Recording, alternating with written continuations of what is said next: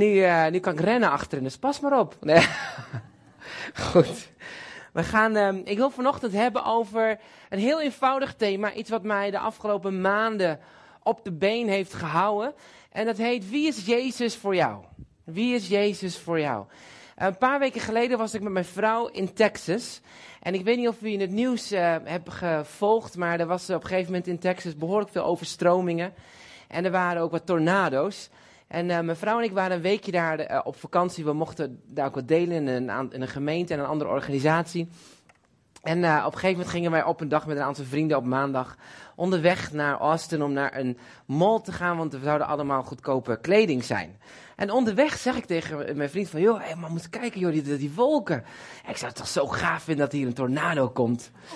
En uh, hij zei wel, nee joh. En de hele week had ik er al over. Nou, pas op, straks komt hier een tornado. En hij zei, dat gebeurt niet in Texas. En vooral niet het gedeelte waar wij wonen, er is geen tornado. En uh, nou, wij reden dus. En op een gegeven moment gingen onze telefoons af. En dan kwam zo'n berichtje van, pas op, er is een uh, wateroverlast. Ik zei, nou Patrick, er is een wateroverlast. Ik was, daar let op, er komt een tornado. Kijk die wolken achter ons. Nee joh, dat is veel te licht, geen probleem. En op een gegeven moment uh, komen we in die mall, we stonden te wachten. En het begon al klam te worden en al een beetje te drukken. En er was al hier en daar wat onweer, maar er gebeurde verder niks. En dan kregen we zo'n zo'n zo'n appje zo van, pas op, er is een tornado in uw gebied. Ga nu uh, uh, zoeken naar, naar een soort shelter, of hoe zeg je dat, toevlucht. Of, ja, bescherming. En dus ik zei tegen Patrick, nou joh, er is een tornado. Hij zei, nee, dat is niet hier. Dat is onmogelijk. Ik zei, nou ja, het, het lijkt ook nergens op. Weet je, het was ook gewoon, gewoon mooi weer. Korte broekje, niks aan het handje. Dus wij lopen zo eventjes die, uh, de winkel binnen van de Nike shop. Om ik was even kijken naar renkleding. En op een gegeven moment, out of the blue, boom, begon het denken te regenen, te stormen en een wind. En toen begonnen alle berichtjes. Een tornado, nu naar je schuilkelders. En wij, huh? Nou, schuil... Dus wij moesten in één keer achter in de winkel staan met al die mensen. Uh, heel apart, heel serieel stonden we daar tegen de muur aan. Ik zei, zou het nou echt gebeuren dat de tornado komt? En dat ging helemaal los. En op een gegeven moment wij wachten, maar je mocht niet weg. Je mocht niet bij het raam staan. En uh, halverwege kregen we weer een berichtje. U moet nu naar de schuilkelder. Een tornado is in jouw gebied. Je moet nu naar binnen. Nou, zoek veiligheid, zoek dekking. Dus op een gegeven moment ging alarm af in die mall. En al die honderden mensen, het was net zo'n rampenfilm. Liepen we dus door de regen in naar de... En ik met mijn telefoontje natuurlijk. Ik was eigenlijk, nee, dat is gaaf. Maar goed, we zaten daar in die, in die gangen waar al die mensen zitten te wachten, te appen. Waar ben je? Weet je, en iedereen was stil. En het ging helemaal los. En uiteindelijk uh, is er niks gebeurd, althans niet bij ons. Maar die, die storm ging over ons heen. En vlak uh, bij ons kwam dus die tornado, die slurf eruit. En helaas zijn de mensen overleden. Maar ik vond het ergens ook wel heel erg machtig en spannend. Zo'n storm. En ik dacht, ja, als je dat zo meemaakt, hè, dan, uh, dan denk je, je, je gaat gewoon op weg. Je gaat, denk ik, winkelen. En halverwege in je, wordt je agenda zo even woep, omgegooid omdat er een storm komt. En dat gebeurt ook wel in ons leven. Soms maken we dingen mee waar in één keer een storm op ons afkomt, wat je niet om hebt gevraagd. En dan zit je er middenin en dan denk je, hoe eindigt dit? En waar vind je dan je toevlucht? En waar, waar vind je dan je bescherming? Uh, naar, naar, hoe ren je naar een plek van vrede en rust te midden van de storm? En, um, en voor mij de afgelopen maanden um, heeft het bij ons in ons leven behoorlijk gestormd. In niet zozeer in ons huwelijk, maar uh, binnen onze gemeente en wat er allemaal daar gebeurd is. Um, maar dat we heel erg bepaald werden van wie is nou Jezus voor mij? Want mijn beeld van God bepaalt hoe ik door een storm van mijn leven navigeer. Um, en hoe ik uiteindelijk door zo'n storm er goed van af kan komen. Er waren ook een paar uh, bijzondere Mexicanen die gingen gewoon dwars door de storm met hun kleding. Al renden ze over straten. Wij dachten, joh, je bent gek. Um, ja, die, ja, zo kan je ook allerlei rare dingen doen als je in een storm zit. Maar ik heb ontdekt dat Jezus ons niet alleen laat in een storm. Maar dat hij juist met ons meewandelt door de storm heen. Um, naar die, dat hij een goede herder is die ons wil leiden naar de plek toe uh, waar we mogen zijn, waar we veilig zijn bij hem. Um, maar wie is Jezus dan voor jou? Um, want ik heb ontdekt dat wat voor mij, uh, wat voor mij belangrijk is, of hoe ik naar God kijk, laat ik het zo zeggen, heeft invloed op wat ik belangrijk vind in mijn leven. En wat ik belangrijk vind in mijn leven bepaalt ook weer welke keuzes ik maak in mijn leven. En mijn godsbeeld is daar het fundament in.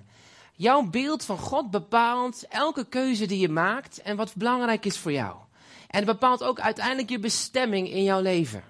Dus als jouw godsbeeld beperkt is of zeg maar troebel is of misschien niet helemaal recht is, dan kan het zo zijn dat je keuzes maakt gebaseerd op een gebroken beeld van God, wat misschien wel helemaal niet jou naar richting de toevlucht of de veiligheid geeft die je nodig hebt.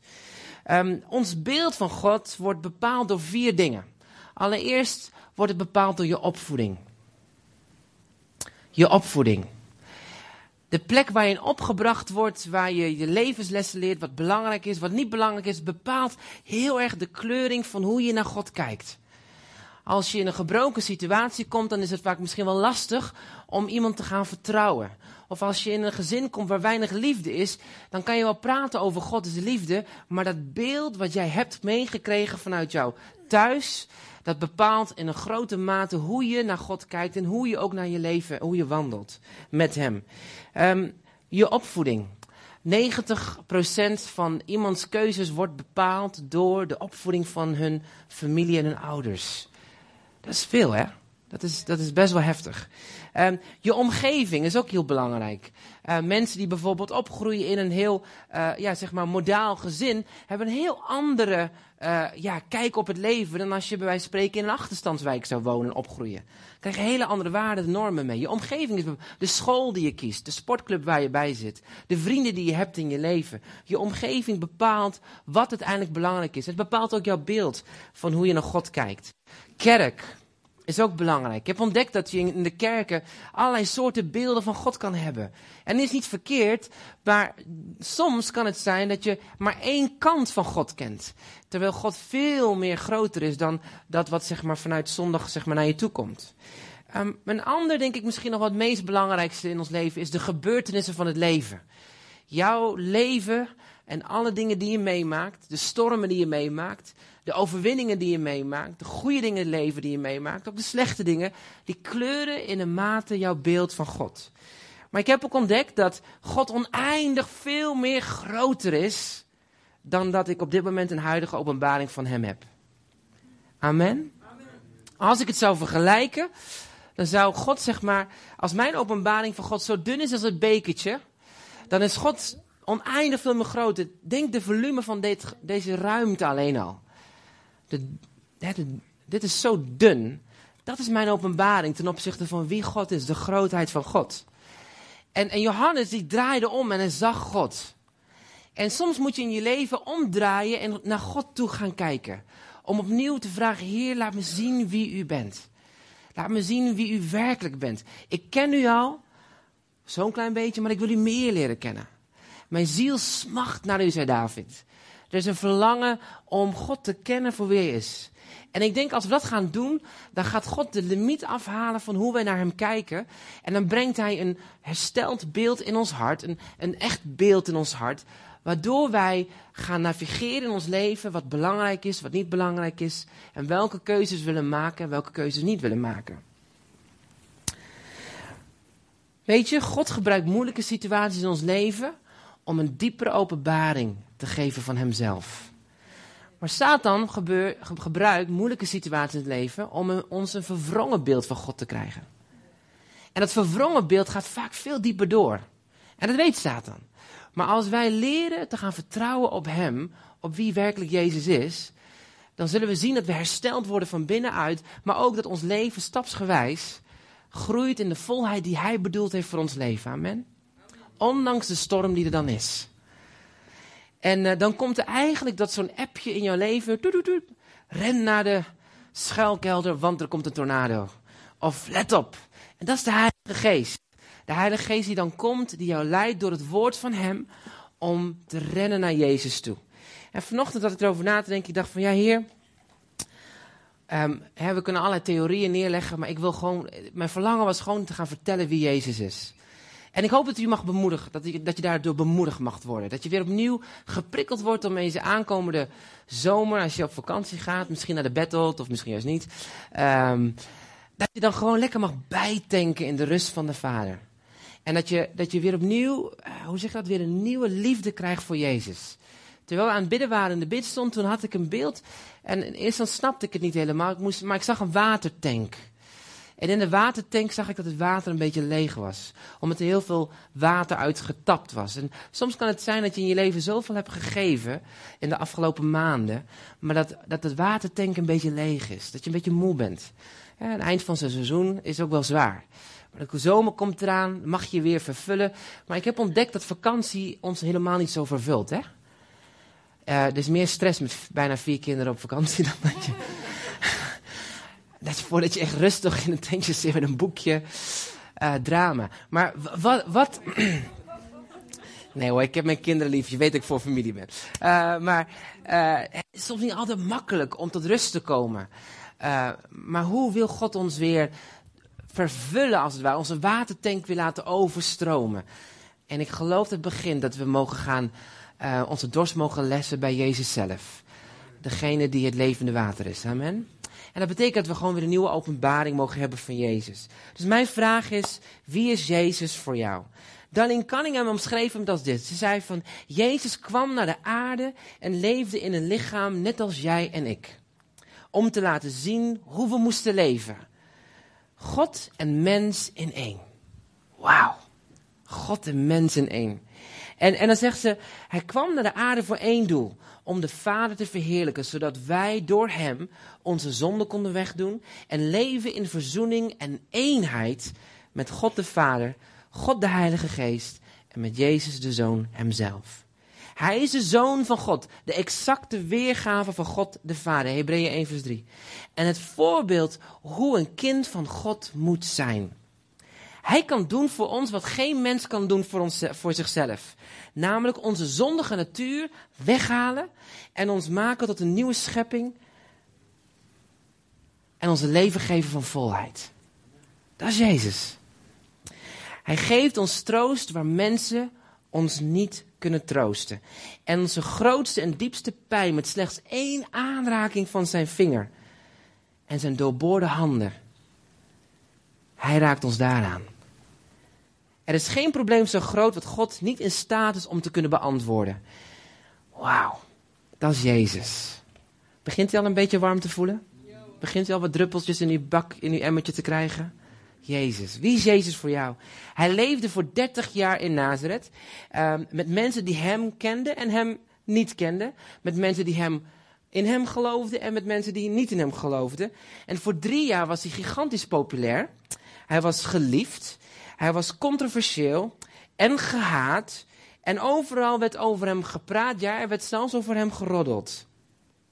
Maar wie is Jezus voor jou? En toen ik een beetje over na moest denken, toen dacht ik, ja, Jezus is ook iemand die weet wel hoe hij een feestje moet vieren. Wist je dat? Jezus houdt wel van een feestje. En een van zijn eerste wonderen is dat hij op een gegeven moment een bruiloft binnenloopt en daar is absoluut geen, geen, geen wijn meer in het feest.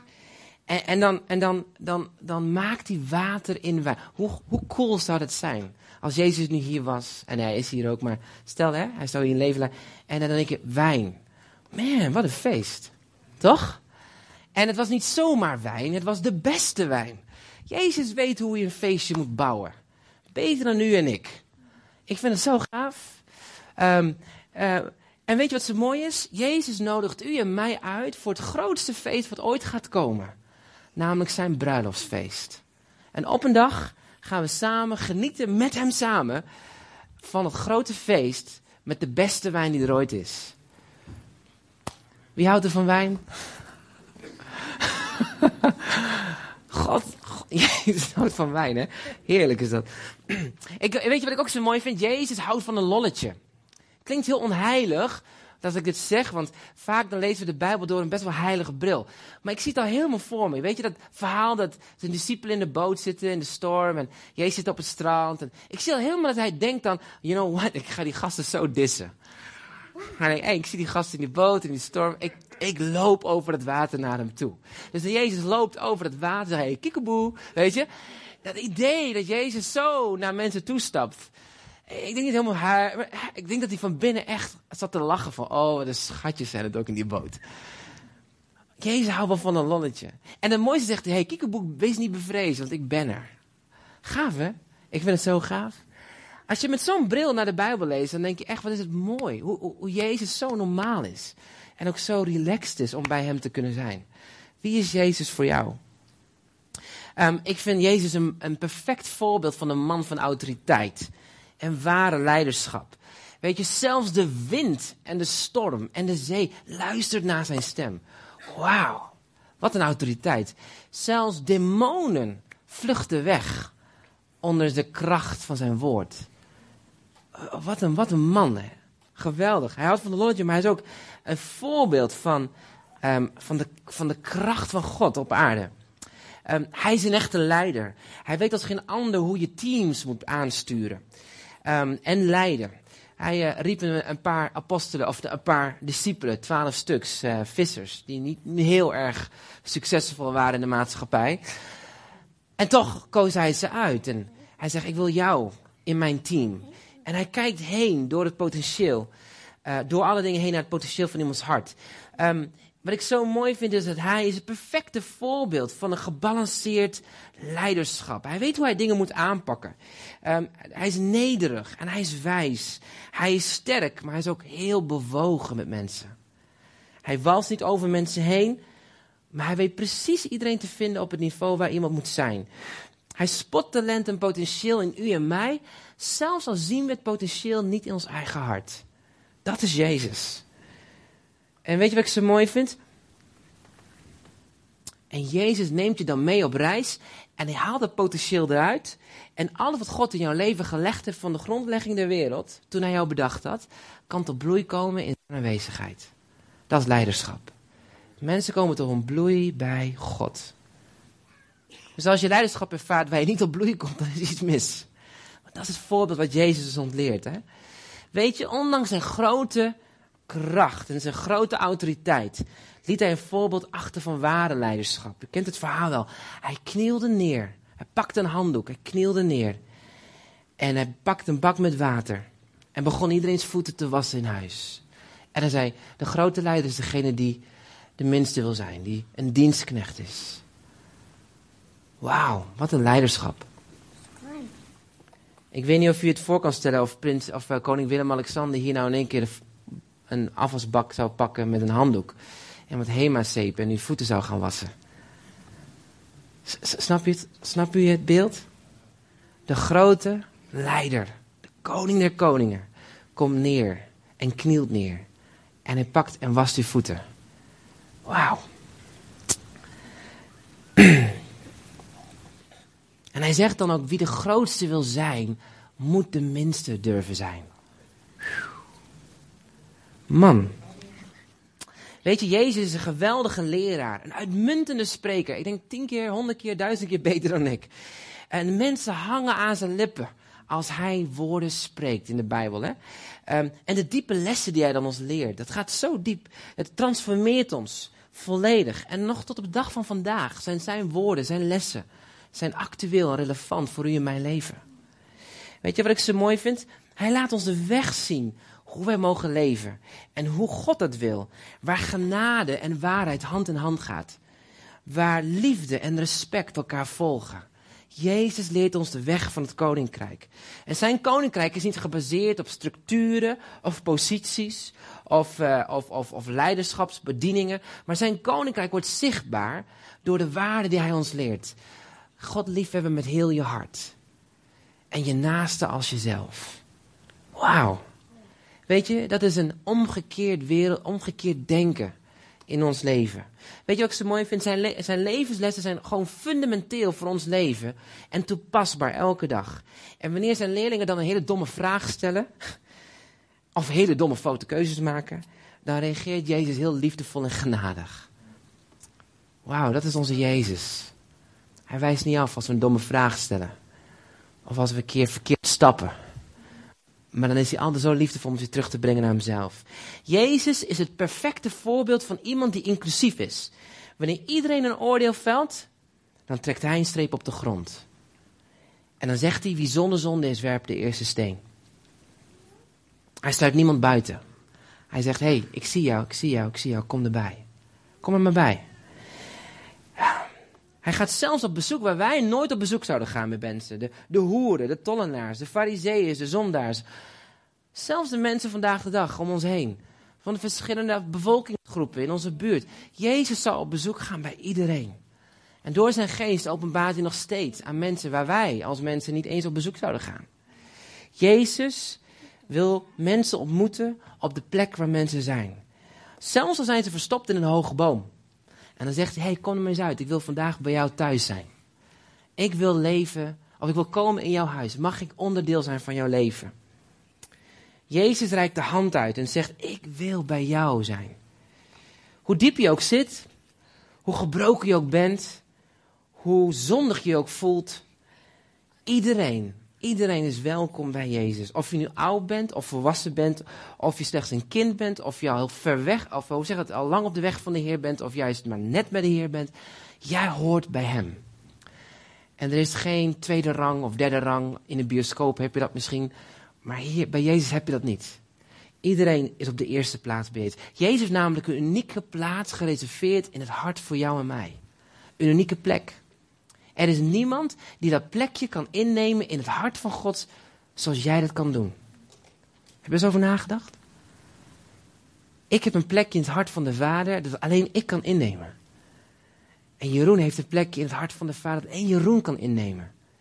En als we dat plekje niet innemen in het hart van God, dan, dan is dat plekje leeg in het hart van de Vader. God heeft een zo'n groot hart voor jou en mij. Dat hij zegt, je hebt een unieke plek in mijn hart. Kijk naar je eigen kinderen. Elk kind van ons is uniek. En elk kind heb ik lief. Evenredig, evenveel. Maar niemand kan die unieke plek innemen dan ieder kind afzonderlijk. Ze hebben een uniek plekje in ons hart. Hij is een vriend die je lief heeft. Iemand die je accepteert. Iemand die voor je vecht en die je helpt. Hij, hij ondersteunt je en hij zorgt voor je. Hij weet al precies wat je nodig hebt voordat je er überhaupt hebt aan gedacht. Dat is te wonderlijk voor mij. Onwijs. God weet precies wat je nodig hebt. En uh, weet je wat zo mooi is? Hij geniet als jij geniet en hij heeft lol om de dingen die jij ook lollig vindt. Wist je dat? Um, en wanneer je huilt, dan huilt hij met je mee. En wanneer je pijn hebt, dan herkent hij je pijn en hij weet wat je voelt. En wanneer je eenzaam voelt, dan is hij daar om te omgeven met zijn tegenwoordigheid op een manier die geen mens ooit kan doen. Hij vertroost en hij vervult je diepste verlangens en behoeftes. Jezus laat ons zien wat ware vriendschap inhoudt. Wat ware vriendschap inhoudt. Hij is betrouwbaar, hij is open, hij is transparant. Hij zegt, ik wil je mijn hart met jou delen. Ik heb de geheimenis van God met jou gedeeld. Ik noem je niet meer slaaf, maar ik noem je vriend. Hij kiest jou uit. En hij zegt, ik heb jou lief. En zelfs op het moment dat we hem zouden verraden, zelfs op het moment dat we hem zouden pijn doen, dan kiest hij er toch voor om ons lief te blijven hebben. Weet je, liefde is zo intens. En Jezus laat ons zien wat ware liefde inhoudt. Liefde is een keus, zelfs al doet het zeer. Dat is Jezus. Zelfs wanneer de ander je pijn doet. Dat is liefde. Dat je toch blijft houden van. Jezus is bewogen voor mensen om hem heen. Hij geneest degenen die ziek zijn. Hè? En hij geeft kracht aan degene die moe is. En hij ziet de nood van ieder mens persoonlijk. Um, zelfs wanneer anderen het niet zien. Hij hoorde de roep van de blinde langs de weg. Hij merkte op wanneer zijn mantel werd aangeraakt door die vrouw die zocht naar genezing. Jezus is opmerkzaam. Jezus begrijpt waar je bent, waar je zit. En zelfs toen iedereen zei dat je Iris dochter dood was, zei Jezus, heb geloof. Ze slaapt alleen. Uh, hallo Jezus, kijk naar de realiteit. Ze is dood. Denk je nou echt dat ze opstaat? Jezus zegt stil, ze slaapt. Pardon, en ze lachte hem uit. Maar Jezus' perceptie van realiteit is zo anders dan ons perceptie van realiteit. Wat namelijk dood is in de ogen van mensen, is levend bij God.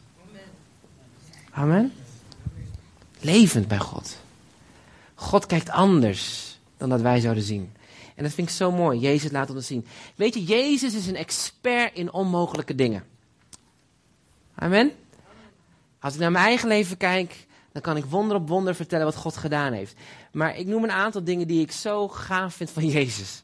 Uh, wat menselijkerwijs compleet onmogelijk, onrealistisch is, is mogelijk bij Jezus. Allereerst, hij weet hoe er gevist moet worden. Zelfs als de professionals niet weten waar de vis is. ja, toch?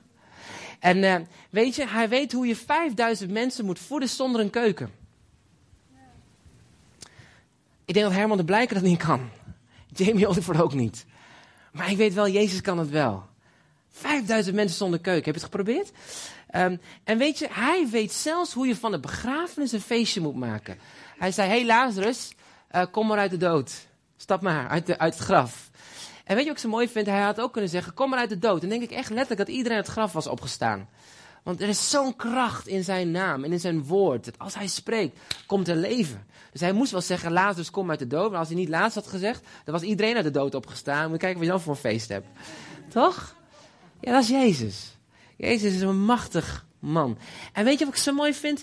Um, Jezus is, het enige wat hij op zoek naar is iemand die gewoon gewillig is om zijn vijf broden en twee visjes aan hem te geven. Meer heeft hij niet nodig. Het enige wat hij zoekt is een gewillig hart. En dan kan hij een wonder doen. Hij heeft niet nodig dat je perfect bent, maar gewoon een simpele ziel, net als ik. En dan wil hij een wonder doen door jou en mij. Met vijf brood, twee vissen. Ik zeg altijd, ik heb maar vijf kruimeltjes en twee graatjes. Ik heb niet veel te geven. Maar bij Jezus wordt alles vermenigvuldigd. Amen. Mijn vraag is, wie is Jezus voor jou? Ik wil met je lezen Filippenzen 2 vers 6 tot en met 8. Er is een stukje daar wat um, zo mooi vertelt over God.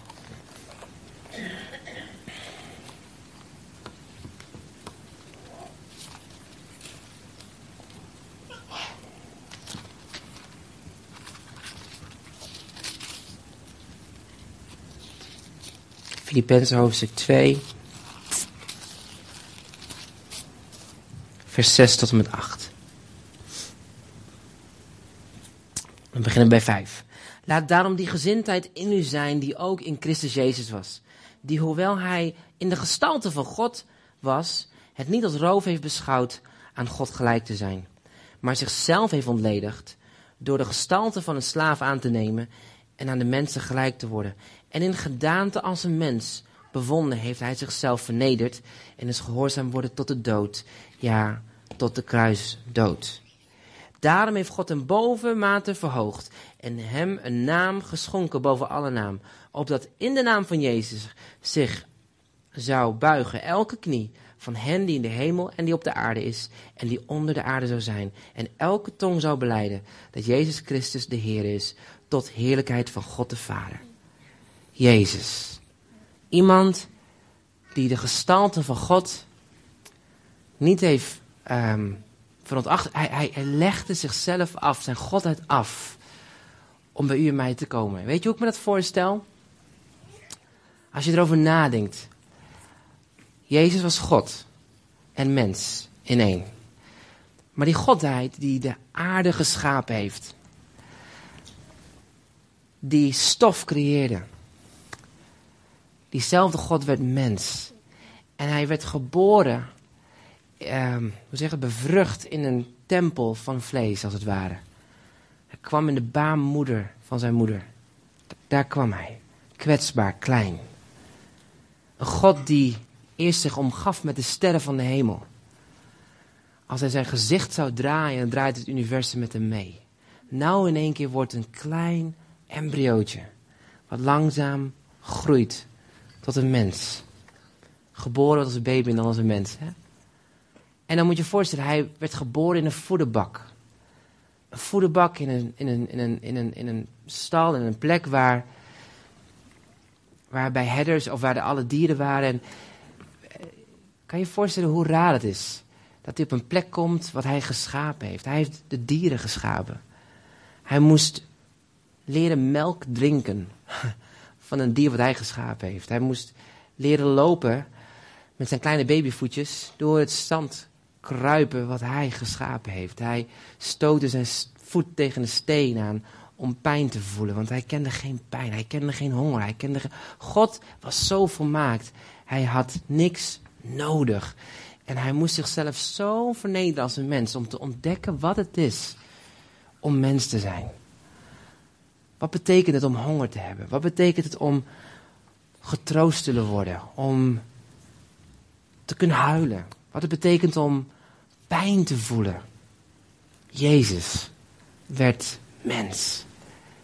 Hulpeloos. En toch was al die kracht in hem. En hij kon het zo demonstreren. Hij hield zich in. Hij legde zijn goddelijkheid af. Om zo gehoorzaam te worden tot dat kruis. Om te zeggen, vader, niet mijn wil, maar uw wil. Dat is Jezus. Wie is Jezus voor jou? Sommige mensen zeggen, hij is een vriend. Maar zodra het dan tegen zit en er komt een storm in je leven. En in één keer is die vriendschap over of weg. En komt de teleurstelling. Sommigen zeggen, hij is mijn Heer. En zodra er dan weer een storm in ons leven komt en het schudt. En wanneer dingen op ons afkomen die lastig zijn. Dan, dan in één keer, nee Heer, ik, ik wil niet mijn tiende geven. Of nee Heer, ik wil niet meer dit doen. Nee, dan hou je het voor jezelf. Hij was toch Heer? Sommigen zeggen, Jezus is, is hetgene wat mijn levensvervulling geeft. En in één keer komt er iemand anders in je leven. En tap je daar van je levensvervulling. In plaats van hem. Wie is Jezus voor jou? Als je hem zou ontmoeten, zou je hem dan herkennen? Als je met hem zou praten, zou je dan uit zijn woorden halen dat hij het is? Wie is Jezus voor jou? Mijn vraag vanochtend is heel eenvoudig. Ik geloof dat God ons wil uitdagen om Hem in deze aankomende maanden van rust, als je de zomervakantie ingaat, dat je opnieuw weer vervuld wordt met die openbaring van Jezus. En er is een man in de Bijbel die dat eigenlijk ook omschreef. En hij zei namelijk dit, wat voor mij winst was, heb ik om Christus schade geacht. Ja, beslist. Ik beschouw alles als schade of als vuilnis. Vanwege de voortreffelijkheid van de kennis van Christus Jezus. Mijn Heer, om wie ik alles ervaren, alle schade ervaren heb. Ik beschouw het als vuiligheid of vuilnis, opdat ik Christus mag winnen. Ik wil Christus nummer één hebben, Hem kennen en in Hem gevonden wordt. En niet met mijn rechtvaardigheid die uit wet is, maar door het geloof in Christus Jezus, namelijk de rechtvaardigheid uit God door middel van het geloof. Opdat ik Hem mag kennen en de kracht van zijn opstanding en de gemeenschap met zijn lijden, doordat ik aan zijn dood gelijkvormig word. Weet je, Paulus werkte heel zijn christelijk leven hard om elk aspect van Gods woord te gehoorzamen. En hij hoopte eigenlijk dat hij daarmee Gods goedkeuring kon krijgen. Te winnen, uh, de, de genade van God, zodat hij het eeuwige oordeel kon ontlopen. En daardoor aan Gods te houden, dat hij zou denken van, joh, weet je, ik doe alles goed en perfect. En dan moet het bij mij ook goed komen. En daardoor had hij een gigantisch hoge maatstaf voor hemzelf. En hij hoopte hierin rechtvaardig te zijn. Ja, zelfs keek hij op mensen neer die niet leefden volgens zijn standaard. Maar zijn kijk op het leven veranderde drastisch toen hij Jezus ontmoette. Alleen de perfecte zoon van God, die geen zonde kent, was acceptabel voor God alleen. Alleen Jezus. Alles wat Paulus in zijn leven had verkregen of behaald, was in één keer als vuilnis in vergelijking met Jezus. En zelfs zijn rechtvaardige standaard was net zo zondig als de zonde van andere mensen. En in die diepe waarheid die Paulus ontdekte was dat God bood rechtvaardiging, reiniging, heiliging, genade. Als een cadeau aan door het geloof in zijn Zoon, Jezus Christus. God biedt diezelfde gave van genade aan jou en mij vandaag de dag. Amen. En door het sterven is die deur geopend naar Gods tegenwoordigheid. En mogen we wandelen met vrijmoedigheid. Als we dan hem aanbidden, ook vanochtend, dan is dat niet zo van, oh ja, ja, ik moet aanbidden. Maar dan mag je weten, ik heb toegang door Jezus om naar de Vader te komen. Wat een voorrecht. Dat neem je dan niet licht, maar dan pak je dat met heel je hart. Want je reageert niet uit een wet van ik moet aanbidden, of ik moet mijn collecte geven, of ik moet. De, maar dan reageer je op dat liefde van Jezus die stroomt naar jou toe. Zeg, Jezus, ik wil niks anders dan alleen u. Hier ben ik, Heer. Hier ben ik. Mijn vraag is, wie is Jezus voor jou? En wil je hem opnieuw leren kennen? Amen. Zullen we gaan staan, dan gaan we bidden.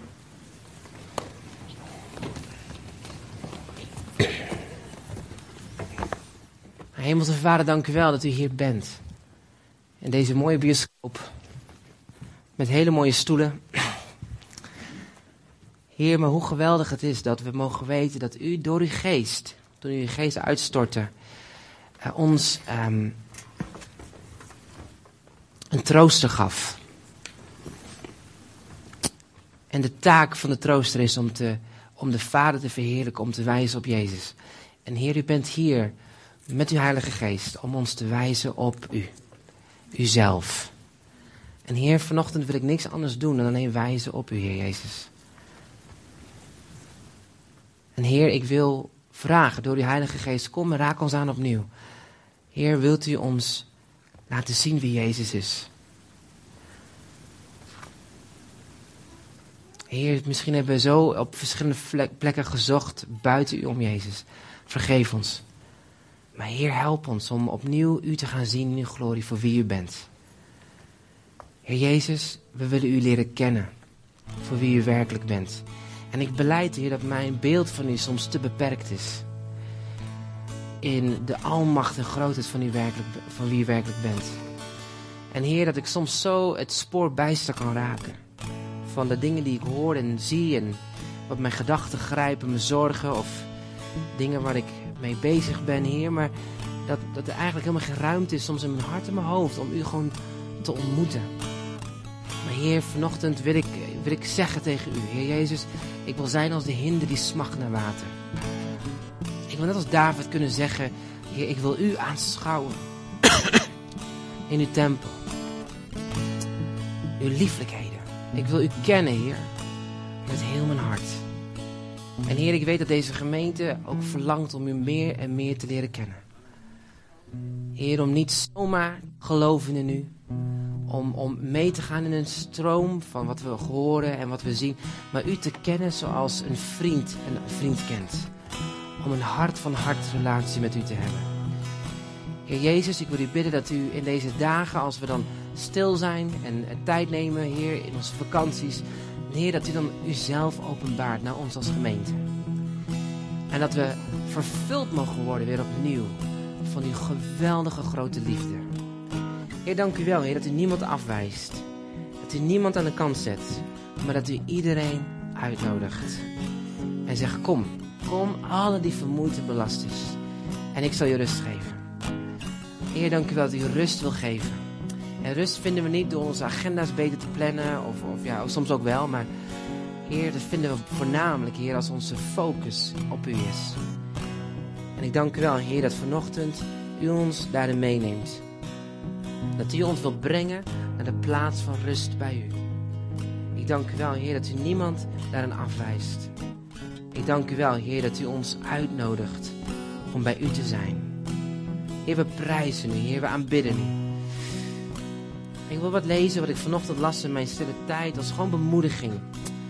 En het staat in Psalm 34, vers 9 en Jesaja 55, vers 8 en 9. Het dagboekje zegt dit. Proef en geniet van mijn goedheid. Dit is het gebod. Is een uitnodiging om mijn levende nabijheid te ervaren. Het is ook een belofte. Hoe meer je mij ervaart, hoe meer je overtuigd zult raken van mijn goedheid. Deze kennis is essentieel voor je geloofsweg. Als het tegenzit, twijfelen mensen instinctief aan mijn goedheid. Mijn wegen zijn geheimzinnig, zelfs voor degenen die mij goed kennen. Want zo hoog als de hemel is boven de aarde, zo ver gaan mijn wegen jullie wegen te boven. En mijn plannen jullie plannen. Maar probeer mijn wegen niet te begrijpen. Gebruik liever je tijd om van mij te genieten en mijn goedheid te ervaren. En Heer, ja, we willen uw goedheid ervaren. We willen zeggen, Heer, smaakt en ziet dat de Heer goed is. Heer, help ons te proeven in de vriendschap met u. In Jezus' naam. Amen.